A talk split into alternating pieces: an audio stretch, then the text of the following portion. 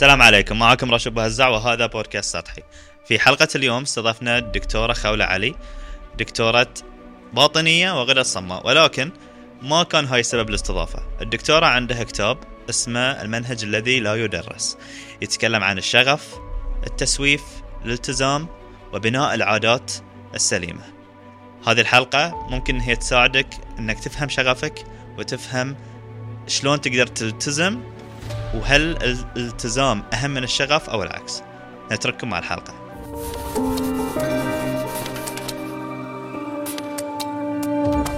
زين آه خل يعني أنا أبي تعريف الشغف من وجهة نظرك. إي. شنو الشغف؟ إي. نبتدي من صابر؟ بدينا. ها. ما شاء الله كاجوال إي. إي. شوف راشد بغض النظر عن تغ... يعني كلمة الشغف كلمة كثير من الناس قالت هي مستهلكة. صح؟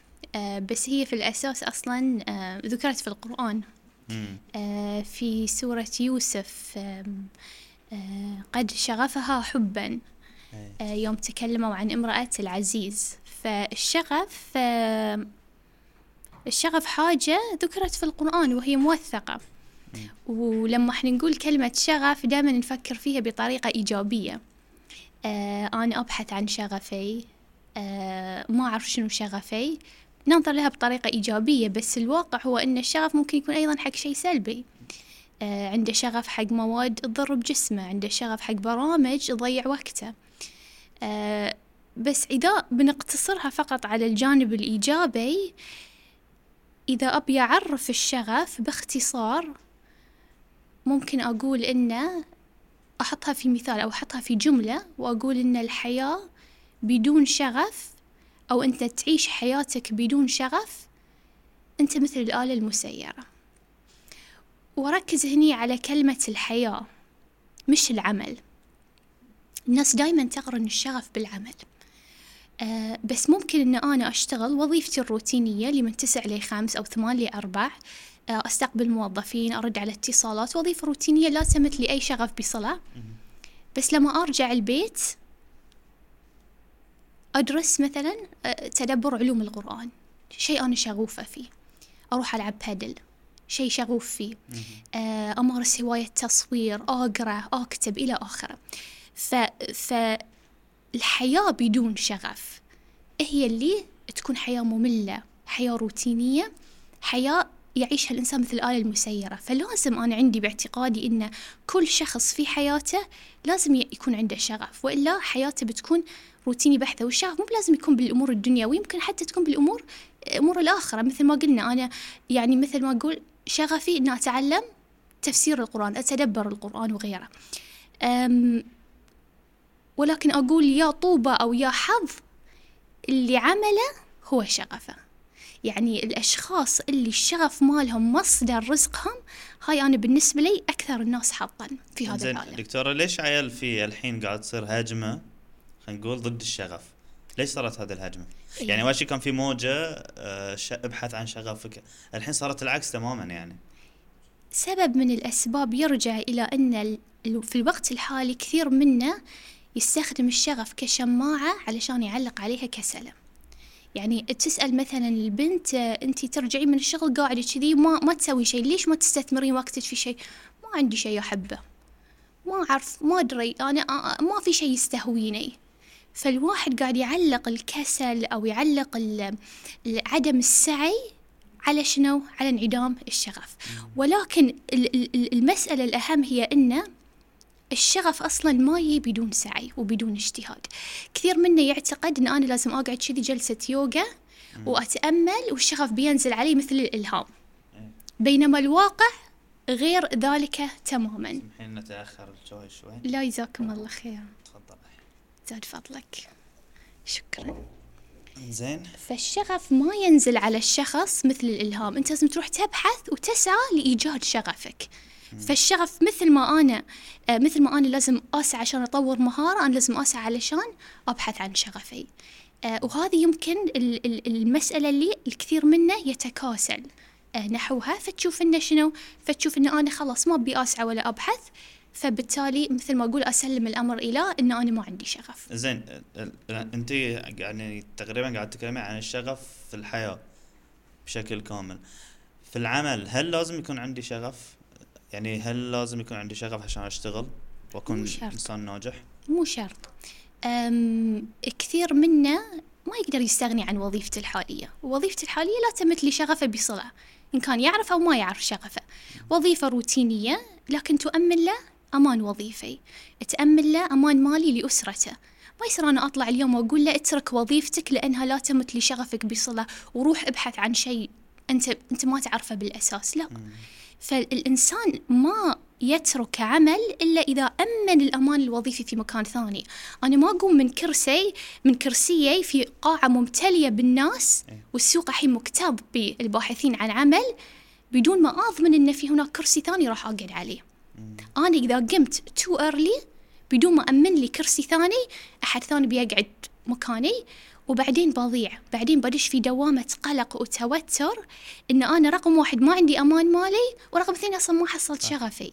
ف... فالعمل في الوقت الحالي وفي خاصة في سوق العمل هذه بدون شغف أنا ما أعتبره مشكلة. إذا كان هناك شغف أو إذا كان هناك شيء آخر في حياتك قاعد يعطيك هذه الشغف. وال وال والفكرة هنا أنك أنت تبتدي تستثمر ولو القليل من وقتك القليل من مهارتك في أن تنمي مهارات هذه الشغف اللي ما يمت حق عملك بصلة وتبتدي شيئا فشيئا تستخدمه علشان شنو؟ يكون مصدر دخل. يعني بعطيك مثال. أنا أنا شغفي شوف أنا دخلت الطب مو لأنه شغفي. أمين يعني مين بعمر الثمانية عشر سنة يعرف شنو هو آه. شغفه أو شنو يبي يصير هو يكبر؟ أنا دشيت بحكم أن أنا طلعت الأولى على البحرين وحصلت بعثة والكل قال لي لازم تدرسين طب فدخلت تخصص الطب بهذه المنطق. وكنت أقنع الناس إنه إيه لا والله آه، الطب هو تخصصي وهو حلمي وهاي اللي قلته في المقابلة وأنا ما أفهم شيء في الطب ولا أعرف شيء عن الطب. يمكن دخلت مستشفى يوم أو يومين قبل ما أدخل كلية الطب. آه فيوم دخلت تخصص الطب آه وصلت طبعا فيه وصلت مشواري آه بس بعدين وصلت حق مرحلة ركود شوي في حياتي. وهنا يبدأ الواحد يسأل نفسه شنو هو مصدر شغفه. فمن الأشياء اللي ممكن الواحد يستذكرها يسأل نفسه أنت في طفولتك شنو كان شنو الشيء اللي كان يستهويك. وترى من خلالها تقدر تح تحصل على دلالات. أنا في طفولتي أكثر شيء كنت أعشقه أحب أشرح أنا واحدة أحب أشرح حطني قدام السبورة وقدامي طلبة إيه. أموت من الش... أموت على الشرح. أذكر حتى يعني ذاتي المعلمة كذي منافسة ما لها خلق أقول لها معلم يصير أنا أشرح الدرس؟ ويا والقلم والسبوره واسترسل مع الط... مع الطالبات. حتى اتذكر آه، لين كنت أرجع البيت كان عندي صديقة الله يذكرها بالخير عايشة اسمها. كانت كل يوم تتصل فيني من الساعة يمكن أربعة للساعة خمس أو ست. شو الحين؟ بس أشرح لها. أشرح. لها بالتليفون. وقتها كان التليفون هاي ال- ال- اللي اللي wire متصل بالصوت تقعد على الأرض وتسولف طول الوقت. أمي كانت تقول لي تقول لي خولة آه، جاب لي دراستك. لا لا أنا أحب الشرح. فقمت إيش سويت؟ يعني في, في السنوات الأخيرة أنا أحب أشرح أحب أدرس. فقمت بدال ما أنا أشتغل في عيادة full time حولت. خليت العيادة part time وصرت أشتغل في الجامعة full time فوظفت اللي هو الشغف هاي الحب حق الشرح آه، مع وظيفتي الأساسية اللي هي الطب. بعدين شفت إن في هناك مجالات أخرى ممكن أنا أتوسع فيها بنفس هذه الشغف وتكون مصادر دخل أخرى لي. فتحت الإنستغرام وبديت أي. أشرح حق الناس وأوضح وغيرها. حلو. بعدين شفت انه لا والله في هناك مجال آخر ممكن أنا أوظف فيه هذه الشغف وأستثمر فيه ويكون مصدر دخل ثالث. فأسست لي موقع تعليمي وحطيت فيه دورات وابتديت أشرح حق الناس أيضا آه، منظورات علمية. فصار الحين يعني مصدر الدخل مالي بالأساس لا يمت أصلا حق العيادة العيادة صارت مصدر جدا ثانوي للدخل. فالواحد شيئا فشيئا يعني يطور مهاراته يطور قدراته بحيث إنه يقدر يستثمر هذه الشغف كمصدر دخل. انت قلتي شيء ساعة مرة اذا أنا لقيته صح أو لا؟ بما معناه إن اللي عنده شغف ويشتغل في شغفه هو يعني آه، خلينا نقول مو مرفه بس نصيب. يعني كنا مثل الزواج. يعني إذا زواجك ما نبي نعطي الزواج كمثال. آه، يعني أنت حظك كذي إن أنت شغلك في شغفك. زين ال- الجانب الآخر اللي يكون شغله مو في شغفه شنو يقدر يسوي؟ يعني شلون يقدر آه، ينظر إلى الموضوع بنظرة إيجابية خلينا نقول. الواحد يفكر في يومه إنه هو يوم 24 ساعة. إذا أنا أقضي ثمان ساعات في عمل لا يمت لي شغفي بصلة عندي 14 ساعة أو أو أو 16 ساعة إضافية في اليوم أقدر أستثمر فيها ولو ساعتين. حق مسألة ممكن إن أنا تعود علي بعدين بمردود مادي وتقع من ضمن شغفي. فأنا أقول يعني أنا هاي نصيحة دائما أعطيها حق الطلبة وحق اللي يسألوني لا تترك مجال عملك حتى لو كان ما يمد لشغفك بصلة إلا وأنت أمنت أمان وظيفي في مكان ثاني. ففي هذه المرحلة أنت لازم تستثمر في مهاراتك آه، في شغفك على أساس بعدين تقدر تستقل. يعني لازم على الأقل تؤمن ثمانين بالمية من راتبك. بمصدر دخل آخر بعدين تترك شغلتك أو وظيفتك الأساسية. شلون الواحد يقدر يلقى شغفه؟ هاي رحلة البحث عن الشغف يعني. هي. أول خطوة الواحد مثل ما قلنا يبحث في الماضي يشوف شنو هي الأشياء اللي كانت تستهوي. هذه أول خطوة. رقم اثنين التجربة. أنا ما راح أحصل على شغفي بقعدتي في البيت. أنا لازم أروح وأجرب عدة أشياء. أعطيك مثال. يوم كنت أنا أيام الكورونا وصككت الدنيا والعيادات قلت وغيرها رحت لعبت كاراتيه. إيه. رحت تعلمت رسم بالألوان الزيتية. اكتشفت إن الكاراتيه مو بصوبي فهديته. لكن اكتشفت إن الرسم بالألوان الزيتية يمكن صوبي لأنه يدخل في الدقة في يعني في, في أحب التفاصيل. فشفت إن هذا مجال أيضا يستهويني. هل كنت بعرف هذا الشيء وأنا قاعدة كذي في البيت بدون بدون علم؟ لا. الواحد لازم يروح يجرب لازم يغامر على أساس يعرف وين موطن شغفه. آه، تمام. زين. نفترض ان في شخص جرب بس ما لقى أي نوع من أنواع الشغف. يعني آه، خلينا نقول مثال خيالي لكن أتوقع إنه لازم يكون في أحد. ما بيلقى شغف إلا بعدين أو يمكن ما يلقاه آه، هل هني بس يكون ملتزم في الشغل ملتزم يكون الالتزام هو رقم واحد إذا ما في شغف؟ شوف أنا ست سنين تسع سنين أمارس طب وما كنت أعرف في هالتسع سنين شنو شغفي أو شنو المجال اللي أنا أحبه. درست ست سنوات في كلية الطب. مثل ما قلت لك لأن درست طلعت الأولى وقالوا لي دشي طب. يوم خلصت هاي الست سنين هذه كان كانت مرحلة مفصلية لأن لازم حزتها تقرر شنو أنت بدش تخصص بعدين. أنا ما كان عندي أدنى فكرة شنو أبي أتخصص. مع أن مريت في كل التخصصات ما كنت أبى أكون جراحة كنت لما أوقف في غرفة العمليات يدور راسي وأطيح. ما كنت أبي نسو ولادة حسيته يعني مو بصوبي. فقمت اخترت تخصص باطنية. ليش؟ هل لأني أعشق وعندي شغف بالباطنية؟ لا والله. دشيت الباطنية لأن من أكثر التخصصات مثل ما يقولون نطاقا أو أوسعها نطاقا. فقلت فيها وايد أشياء ممكن أنا أستكشفه وبعدين أقرر. حلو؟ فدشيت باطنية ثلاث سنوات. هالثلاث سنوات ما في شيء استهواني بعد. ثلاث سنوات كاملة مريت فيها وأنا أحس إنه ما في شيء آه يعني كان يمثلي شغفي بصلة. ويات مرحلة مفصلية آخرة. إن أنا الحين خلصت ثلاث سنوات باطنية لازم أتخصص تخصص في في ضمن الباطنية. شنو بدش؟ حاولة ما يصير أرجع البحرين الحين وأنا بدون ما كملت. فوقتها سبحان الله مريت على أقسام وايد. مريت أول شيء على قسم الروماتيزم اللي هو علاج المفاصل. مم. وقلت والله هذا القسم يمكن يستهويني أنا بدش في هذا القسم في تفكير و... وله مستقبل وكل من في البحرين عنده مشاكل مفاصل. بنجح في البحرين. دشيت المجال و... وشفت إنه لا والله كل من يجي العيادة ركبت عورة تمللت صراحة. بس في نفس الوقت بعد آه آه الله سبحانه وتعالى يرسل لك ناس في حياتك ناس إيجابية أو ناس سلبية هي اللي تدورك أو هي اللي تواجهك في طريقك. آه كان دكتور من دكاترة الروماتيزم الكبار في المستشفى. قلت أنا بدل بدش تخصص روماتيزم خل أحصل على رسالة تزكية منه تخليني أقدر أدش مستشفيات عودة بأمريكا. فرحت اشتغلت معه شوي وسويت معه بحث. حلو تقريبا المسألة أخذت لي شهرين ثلاثة. نهاية هاي الشهرين ثلاثة جهزت عدتي وجهزت كلامي بروح بطلب منه رسالة تزكية. أيه. على أساس إنه أقدم على تخصص الروماتيزم. خلاص قررت. وكان يعني هناك شهرين يفصلني من إنه آه، أقدم من من ال deadline مال التقديم. رحت له وقلت له يا دكتور فلاني أنا اشتغلت معاك وعجبني الشغل وهذه نتاج عملي وأنت أدرى ممكن تكتب لي رسالة تزكية قوية. هاي طبعا الأسلوب. لازم تقول له رسالة. تزكية قوية. قال لي لا. قال لي ما أقدر أكتب لك رساله تزكية قوية. قلت له ليش؟ قال لي ما عندي ما عندي أحس ال- الخبرة الكافية في العمل معاك علشان أزكيك. أنا حسيت انهار العالم قدامي. إيه. شهرين يفصلني من ال deadline حق التقديم. وإذا ما قدمت خلاص أرجع البحرين فيستي تنتهي. مم. وإذا رجعت البحرين انسى التخصص أرجع مرة إيه، ثانية. حق أمريكا. فوقتها سبحان الله يعني شوف الله كتب لي هاي الشخص يعني هي بطريقة سلبية بس وجهني إلى طريق آخر. فوقتها قعدت أسأل وأسأل وأبحث وهذه هو ال- الشيء اللي يكمن في الشغف إن الواحد يبحث ويسأل و- ويتجرأ. آه، وشفت واحدة من زميلاتي تقول إي والله أنا أروح مركز ال Comprehensive Weight Loss Center بنيويورك. آه، مركز لتنزيل الوزن آه، ما شاء الله عليه معروف.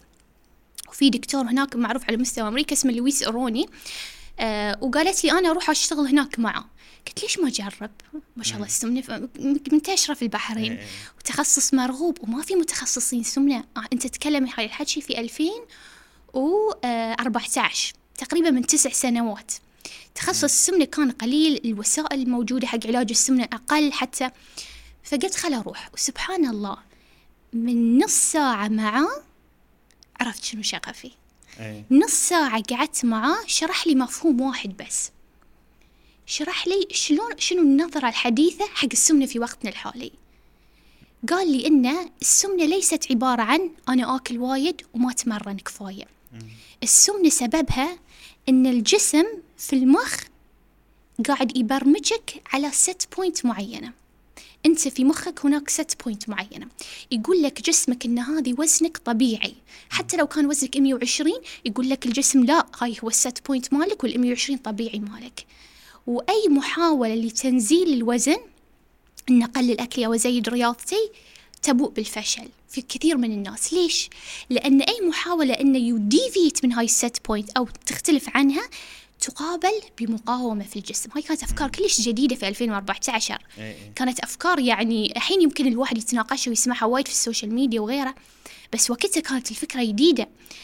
شلون يقاوم الجسم؟ يزيد هرمونات الجوع يقلل الشبع عندك ويقلل حرقك سبحان الله علشان يرجعك مرة ثانية حق هذه الست بوينت ولهاي السبب علشان أنا أعالج السمنة ما أقول حق الناس أكل أقل وتمرن أكثر. لا أنا أعالج مشكلة الهرمونات.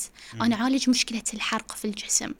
هذه المفهوم بحد ذاته نص ساعة بس قعدت معاه حسيت أن أنا في هناك عالم كامل أجهله وممكن أن أستكشفه وأضيف له لين رجعت البحرين.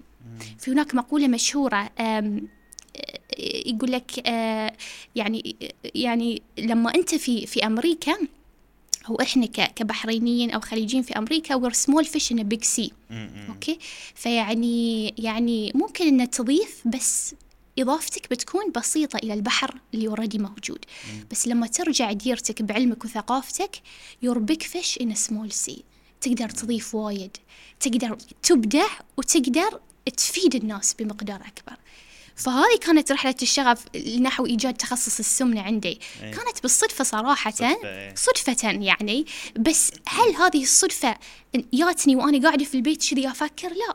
هاي الصدفة ياتني وأنا أسعى وأتعب. وهذا هو السر اللي يكمن في إيجاد الشغف. الحين دكتورة في ناس آه هذه أنا شيء لاحظته صراحة آه تصور شغلها دائما على السوشيال ميديا. يعني تصور إنجازاتها. مثلا إحنا عندنا في مجالنا إحنا يصورون الـ pro يعني آه، العمل من اول يوم لآخر يوم. day 1 day 2 day meetings meetings meetings بديت ألاحظ إن في ناس وايد قاعدة آه، تحس بعدم الانجاز يعني إن هي مو قاعدة تنجز. يعني أنا أتذكر أنا مرة في أحد الأشخاص هي قال لي آه، دفتري مال ال notes أبي اخلصه مو قاعد يخلص. فتح آه، عادي يعني موضوع عابر. ففتحت السوشيال ميديا شفت إن في شخص منزل قبلها بساعتين أو ثلاث انه مخلص ال note ماله. وما يعني يعرفون بعض. فهل آه، إحنا بدينا نسمع حق الناس من خلال السوشيال ميديا انه يقولون لنا أنتم مو كفاية؟ حلو. أم لو سألت أي واحد من الجيل الحالي آه، عندك شخصين طبيبين خلينا نقول متكافئين في المهارات متكافئين في الشهادات. واحد عنده ألف follower ثاني عنده مليون follower تبى تطالع المليون follower إنه هو ذو قيمة أعلى. صارت السوشيال ميديا والإنجازات اللي تعرض على السوشيال ميديا سواء كان عدد ال followers اللي عندي عدد اللايكات اللي أحصدها عدد ال views أو المشاهدات اللي توصل للناس هي معيار أو مقياس حق مدى النجاح. وهذه للأسف يمكن يعتبر من من من أكبر النقاط السلبية. وهاي أنا واحدة أقولها وأنا عندي سوشيال ميديا وعندي إيه. followers فما بالك بدكتور ثاني وأنا عارف في هناك يعني في مجتمع الأطباء وهاي شيء معروف.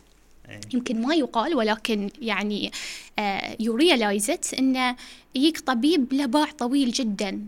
باع طويل جدا في في الطب. آه شخص يختار إنه يروح حق طبيب آخر فقط لكونه شنو؟ لكونه معروف أكثر من آه على مستوى السوشيال ميديا من الطبيب الأولاني. وخن خن بعد نكون منصفين. مسألة إن أنا أسوق حق نفسي سواء إن أنا أعرض إنجازاتي أصور من A to Z هذه بروحها يبي لها فن هذه بروحها مهارة. يعني صح. يعني يعني مثل هذه ال- يعني شوف مهنة الطب مهنة آه، علم زائد تواصل والتواصل ساعات أهم من العلم. السبب الأول ليش الناس ترفع قضايا ضد أطباء. السبب الأول حق ال medical lawsuits في كل العالم وليس عندنا بس في البحرين ليس لأن الطبيب ارتكب خطأ لا لأن هناك كانت مشكلة بالتواصل. وأكثر سبب ممكن يخلي المريض نفسه يتراجع عن قضيته ويقول خلاص أنا ما راح أرفع القضية لما يعتذر الطبيب. إيه. حتى لو كان الخطأ كبير. تشوف إن في أطباء مس- أسماء كبيرة. هاي الأسماء الكبيرة لا تشوفهم إنه شنو؟ تشوفهم إنه آه يعني في هناك قضايا ضدهم. هل لأن علمهم أقل؟ لا. بس يمكن أن تواصلهم ما كان بالطريقة المطلوبة. فمهارة التواصل شلون أنا أقدر أوصل نفسي حق الناس؟ شلون أقدر أتحاور مع الناس؟ أتلقى مع الناس هذه مهارة وايد مهمة. صح. ويمكن ما ركز عليها العلم أو العلوم يعني سواء كان علوم الطب أو الاجتماع أو غيرها في السابق بقدر ما صار التركيز عليها الحين مع عصر السوشيال ميديا. فأنا أقول لما يجيك واحد ويقول لك آه، أو يجي شخص ويعرض إنجازاته على السوشيال ميديا أنا بالعكس أصفق له. إنه يقدر. يقدر. جميل. بالضبط إنه يقدر.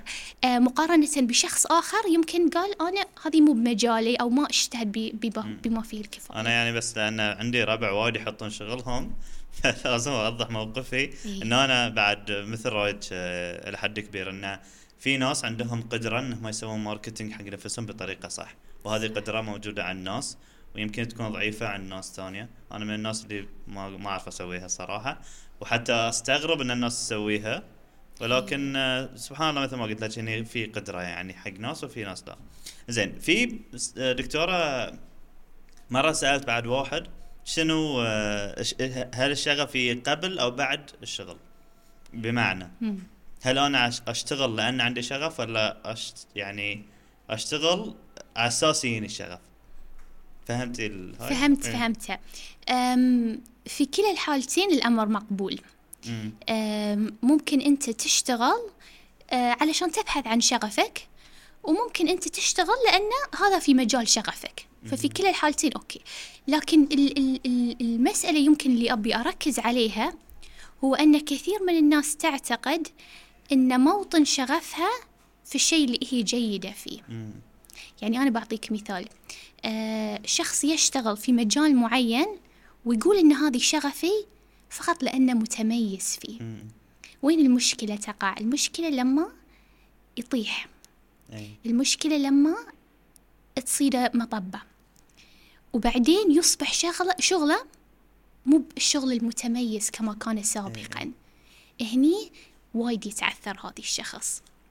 تقول له هذه شغفك واصل فيه لا. مو بصوبي فمهم إن الواحد يميز بين ما هو شغوف فيه وما هو مميز فيه.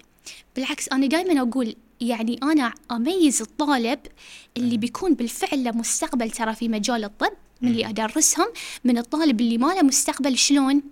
بأول مرحلة يدش فيها المستشفى وهو ما يعرف شيء خير شر. إيه. اللي تشوفه متحمس ويبي يتعلم هاي تعرف إنه شغفه في المكان الصح شغفه بالفعل طب. لكن اللي تشوفه متوتر وكله على أعصابه ولما تجي الحالة السهلة أو الحالة ال- اليسيرة سواء في الامتحان أو في, في الواقع وتشوفه بعدين يستانس ويستمتع هذه عنده مشكلة. هذه قاعد يستمد قيمته من شنو؟ من من من, من تميزه في عمل ما. وهني هني تكمن المشكلة. جميل.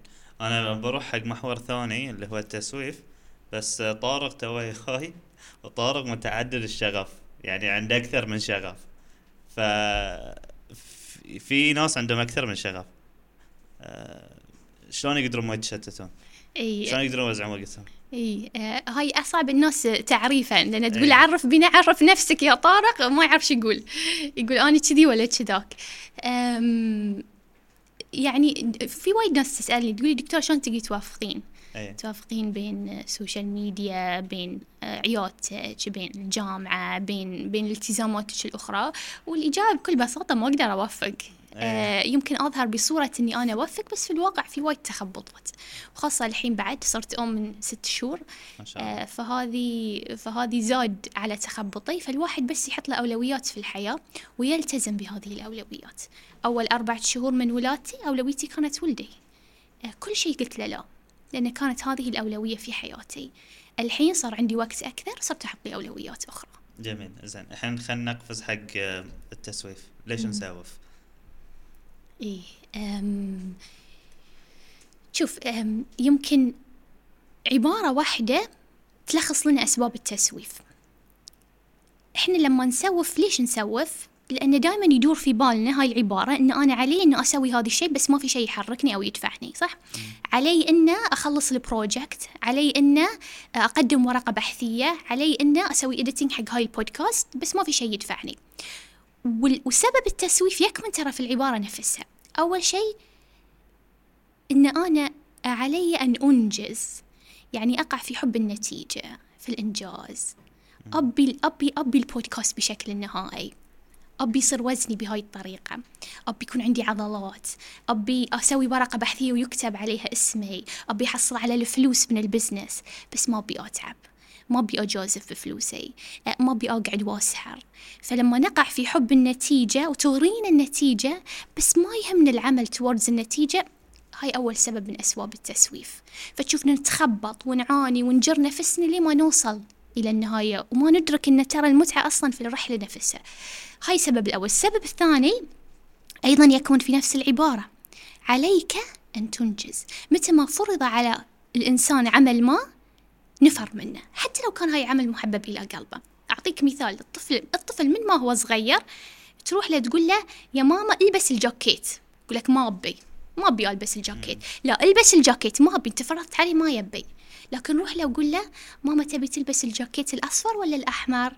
إيه. طبعا إذا قال لك ما أبي هاي مصيبة يعني الله يعينك عليه اخر آخر مرحلة من العناد إيه. لكن في أغلب الأحيان بيقول لك أبي الأصفر. فأنت تخير الإنسان لما يحس إن في هناك شيء مفروض عليه ما يحب يسويه يسوف. هاي سبب ثاني من التسويف. سبب آخر من أسباب التسويف ويمكن أنا عشته في حياتي آه إن أحط صورة مثالية حق نفسي وما بي أختلف عن هاي الصورة المثالية. أشرح لك أكثر. أم أنا يوم دخ... لما تدخل في مجال الطب وتعرض نفسك كطبيب على السوشيال ميديا أنت في منتهى النبل حلو؟ يعني أنت لازم تقدم من وقتك تخدم الناس و... و... وتعطي بلا مقابل. هاي ال definition مال الطبيب وهاي اللي في زمن الكورونا وغيره. بس أنا وقتها كنت أهوي أو أبي أستغل مهاراتي في أعمال ثانية. إنه أفتح لي دورات مثلا على على النت. فالحين شلون خولة بتطلع على السوشيال ميديا وبتقول حق الناس دفعوا فلوس واشتروا دوراتي أو اشتركوا معاي وهي طبيبة المفروض تعطي بدون مقابل. المفروض هاي الدورات أونلاين مجاني حق كل الناس. لا وبعد ويا أحد ويكتب ليش ما دكتورة تسوين دورة مجانية؟ آه إيه. طق العرق الحساس عندي. إيه. فأنا كنت كنت أعشق هاي الصورة المثالية حق نفسي إن أنا واحدة أعطي بلا مقابل.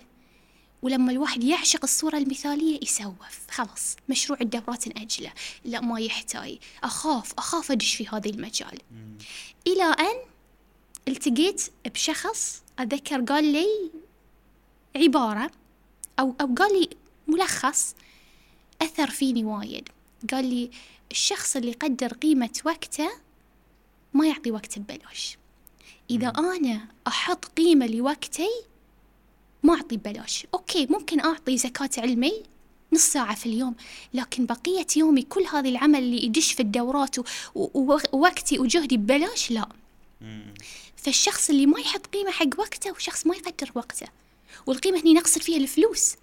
فأحين أنا لما أنظر إلى نفسي وإلى وقتي لا وقتي له قيمة. مسألة أخرى تتعلق بهاي الإحراج المادي يمكن إيه. كثير من الأطباء يواجهها. تجيني وايد آه، اتصالات أو ساعات مسجات من أشخاص أنا ما أعرفهم يقولون إحنا مطرشين من طرف فلان بغينا استشارة دكتورة. مش من طرف عيادة مش من طرف تطبيق مثلا حق حق حق استشارات أو غيرها. في السابق كنت أنحرج. إيه. كنت أنحرج وما أطلب فلوس. الحين أطلب ما أنحرج. ليش؟ أيضا عبارة قالها نفس الشخص ذاك قال لي إذا الشخص ذاك ما انحرج إنه ياخذ من وقتك إيه. بدون مقابل أنت ليش تنحرجين إنه تطلبين حقك؟ عدل.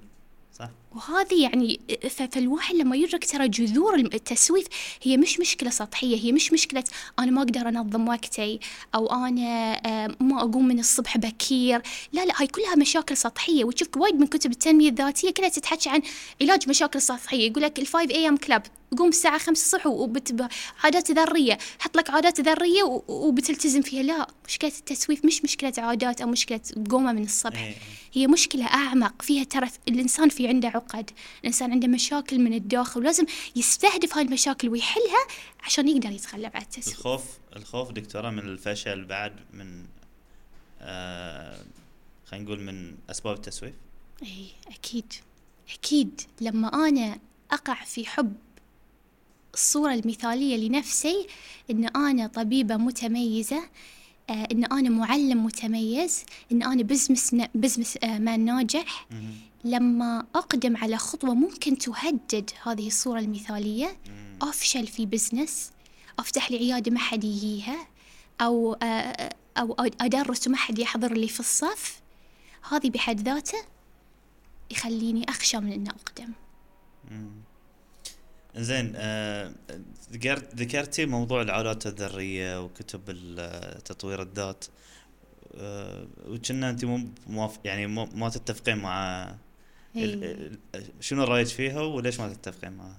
شوف كلمة تطوير الذات ما أحبها آه، تطوير الذات معناته أن ذاتنا نحتاج نح- تحتاج إلى تطوير وهذا ال- هذا ليس بالواقع ذاتنا فيها كل الأمور اللي نحتاجها علشان نرتقي فيها لما أنا أتكلم عن تطوير الذات يعني شنو معناته؟ معناته أتغلب على مخاوفي أطلع من قوقعتي أغامر وما أكترث بآراء الناس صح؟ هذه لما أنا أوصل إلى مرحلة عالية من خلينا نقول إن أنا أقدر ذاتي الواقع هو إنه كلنا في مرحلة من مراحل حياتنا كان عندنا جرأة على الإقدام ما كنا نخاف من كلام الناس وكنا نقدم ومتى يوم كنا أطفال يوم كان عمرك سنة كنت تطيح وترد تقوم مرة ثانية صح. كنت لما كنت تطيح الناس تضحك مدارك وانت تضحك معاهم. ما كنت تخشى من آراء الناس. لكن وين المشكلة؟ إن كل ما كبرنا تبتدي تتراكم العقد. شوي شوية المرة الثانية اللي بتطيح فيها بتطيح في المدرسة. قدام زملائك وبيضحكون عليك بس ما بتضحك معاهم وقتها. وقتها تتكون عقدة. بعدين تي آه، عقب كم سنة آه، وزنك شوية مثلا خلينا نقول مرتفع تدش في سباق. انت تكون آخرهم يضحكون عليك ما تضحك معاهم. مع ان يوم كنت صغير كنت شابي والناس مستانسة عليك وتضحك معاهم. وعقدة على عقدة تترك أثر. مم. وندبة. وهذه الندبات ما تروح. هاي الندبات شوي شوي هاي العقد تدفن ذاتك. فأنت لما لما نتكلم عن تطوير الذات إحنا ما نبي نطور ذاتنا إحنا نبي نعيد إحياء ذاتنا. ذاتنا موجودة هي مجرد إعادة إحياء حق شيء موجود بالأساس. آه، شنو العادات الذرية اللي ذكرتيها؟ أنت آه، قاعدة تحاولين تردي بدبلوماسية إي. أتوقع زين آه، شنو العلاجات غير التقليدية؟ أم، الواحد لازم يكون صريح مع نفسه. لازم يقعد قعدة صادقة مع نفسه ولما أقول قعدة صادقة مع نفسه ليس بنفسه وإنما مع شخص محايد أنا أنا كنت واحدة يمكن من من الناس اللي عندها كل العقد في الدنيا صراحة والغربة والدراسة برا ترى ما سهلت هاي المسألة زيدت العقد اللي كانت already موجودة. ما قدرت ان أعي هذه المشاكل أو العقد إلا يوم قعدت مع شخص محايد. سمى ما شئت coach معالج نفسي اللي هو. بس شخص محايد يسمع قصتك وبعدين يعيد روايتها لك. بمنظوره المحايد. ووقتها أنت تقدر تشوف القصة بالفعل بهذه النظرة مش بيضة وسودة. تقدر تعاين قصتك وتشوف وين مواطن المشاكل عندك وتبتدي تعالجها. ممكن يكون هاي الشخص أنا بس أشرط على نفسي أن أكون جدا محايد. وإن درجة يعني وين وصلت إلى درجة من القسوة مع نفسي يعني. لا وايد صعبة لأن ممكن تقسو على نفسك كثيرا والقسوة مع النفس ترى لا تنبع من حب الذات وأول شيء لعلاج العقد هو أن تنمي حب الذات أن تحب ذاتك. فوايد صعبة. شلون آه، الواحد يقدر يتعرف على نفسه أكثر على أساس أنه هو آه، يعرف آه، مشاكله ليش هو قاعد يسوف؟ يعني هذه القعدات المصارحة شلون يقدر أو تقريبا متى تبتدي في أي عمر؟ بالمواقف. مم. لما تحكي المواقف لهذا الشخص المحايد. يعني تقول له قصة قصة تسويفك قصة تسويفك. مم. تقول له إن أنا بديت المشروع الفلاني صادني الشيء الفلاني وما قدرت أواصل عليه. بعدين هو بروحه بحد ذاته بيفتح لك المجال إنه تستكشف أكثر. شنو المخاوف اللي دخلت في ذاك الفترة؟ شنو المشاكل اللي واجهتك؟ وشوي شوي انت بروحك بتبتدي العقد هاي تتضح لك. جميل. آه في شعر هني أنا بقتبسه إذا تأذنين لي. هو أتوقع المتنبي آه، ذو العقل يشقى في النعيم في النعيم بعقله وأخو الجهالة في الشقاوة أنعم إيش رأيك في المقولة؟ أتفق شوف إذا فهمتها صح أي. لما توصل حق مرحلة عالية من الوعي الإدراك تشقى في هذه الدنيا تشقى وايد بقول لك ليش شنو الوعي بالأساس؟ الوعي هو إن تكون قادر على دراسة الشخص اللي قدامك أو تعي بالكامل الشخص اللي قدامك بأفكاره بلغة جسده وفي نفس الوقت تكون واعي باللي داخلك. وهذه يكون على عدة مراحل وتبدأ رقم واحد إن تهدي عقلك أنت وتركز على عقل اللي قدامك. تشوف تصرفاته طريقة تفكيره آه، ردات فعله. واللي بتستنتجه لما تصل إلى مرحلة عالية من الوعي إن الدنيا اللي إحنا ترى عايشين فيها مسرحية. وكل الناس فيها ممثلين. لأن غالبيتهم انغمر في اللاوعي. كل إنشاء كل إنسان يمثل يمثل على نفسه ويمثل على غيره. فلما تصل إلى مرحلة عالية من الوعي خلاص تسأم من هاي الدنيا وتسأم من اللي فيها وتبي تعتزل. وتشوف ناس دائما لما يقول لك قصة الحكيم الفلاني غيره يعتزلون بنفسهم صح. يروحون أماكن منفصلة. الرسول صلى الله عليه وسلم كان يروح يتأمل في غار حراء ينعزل على الناس. ليش؟ لأن شوشرة الناس وضوضاء الناس تقلل درجات الوعي عندك وتذكرك بهذه الحياة المفبركة. لما تعتزل بنفسك تصفى روحك تحس إنه في النهاية ترتاح روحك. فاللي يصل إلى درجات عالية من الوعي يفضل أن يعتزل الناس وهنا اعتزال الناس مو بخوفا مو برهاب اجتماعي بالعكس هو دار الناس دارس الناس وفاهمهم. هي المسألة إن أنا ما أبي أشوشر نفسي بضوضائهم فبالفعل الواعي يعيش في في في نار أو في أو أو أو, أو والجاهل يعيش في نعيم. إيه آه في مثلا آه أنا أتوقع شفت صورة من قبل أو لرسم بياني إن منحنى الوعي مع الألم مم. فكل ما زاد الوعي زاد الألم بعدين في نزول أيه. إن أنت توصل إلى مرحلة من الوعي اللي بعدين خلاص بالضبط. تكون حكيم أتوقع. هل هاي صحيح؟ إي لما تبتدي بداية رحلة الوعي وايد صعبة لأن للمرة الأولى أنت قاعد تشوف الناس على حقائقهم. المرة الأولى خلاص حديث وشوشرة المخ تهدأ عندك وتركز على الناس اللي قدامك. ترى إحنا غالبيتنا تسعة وتسعين بالمية من وقتنا نقضي في مخنا وفي عقولنا صح؟ لما تهدي العقل وتنمي الوعي عندك وتبتدي تراقب الناس تبتدي تشوف شوشرتهم ضوضائهم وحزتها الصوت يكون عالي يكون مزعج. يعني يكون يعني مثل ما تقول خلاص تروح الطمأنينة. ليه ما شيئا فشيئا تشوف إن ترى كل الناس سواسية كل الناس ترى بنفس المستوى من اللاوعي يعيشون في نفس درجات اللاوعي. وشوية شوية خلاص مثل ما يقولون أه، لا تكترث بهذه الدرجات من اللاوعي فيهدأ الداخل. فهي في البداية كأن اللي أول مرة يركبون له سماعة إذن وهو ما يسمع شوشر وضوضاء وايد لا بس بعدين خلاص يعتاد على على المسألة. يوصل إلى خلينا نقول السلام الداخلي. اي السلام الداخلي متى؟ اي لما أول شيء تهدأ الشوشرة اللي في مخك. لما الواحد مخه دايما يشوشر ودايما يؤنب مستحيل يصل إلى سلام داخلي. أول شيء تهدأ. هاي الشيء ولما تهدأ هذا الشيء وتبتدي تراقب الناس وتعي مدى اللاوعي عند الناس وتشفق عليهم وعلى حالتهم حسيت توصل إلى مرحلة حقيقية من السلام الداخلي. لأن ما في هناك فعل من شخص راح يشوشرك ما في كلمة بيقط عليها شخص بتزعجك. خلاص أنت تشفق عليهم وعلى درجات اللاوعي عندهم. متى دكتورة الواحد يقدر يقول وصلت إلى مرحلة الوعي؟ إيه أنا واعي خلاص. أعلى درجات الوعي بمثال واقعي هو التالي إن تدش فيه جدال مع شخص والشخص هذا يسبك ويذمك ويتعدى عليك بكل الوسائل وأنت من داخلك جدا هادي. لكن مو معناته السكون الداخلي معناته أسكت على حقي لا. درجة الوعي العالية هو أن الداخل يكون هادئ ما قلبك ما يطبخ مخك ما يطبخ. إيه، إيه. فلما يهدأ الداخل تتزن مخارجك. بعدين تقدر ترد عليه برد عقلاني مش مشوشر ومش درذن بعقدك ومشاكلك. ترد عليه رد قوي يحطه في مكانه وما يعود عليك بالسوء. إذا أنت قط تخيلت أو إذا قط تذكرت موقف في حياتك كنت بهذا هاي هاي درجة عالية من الوعي.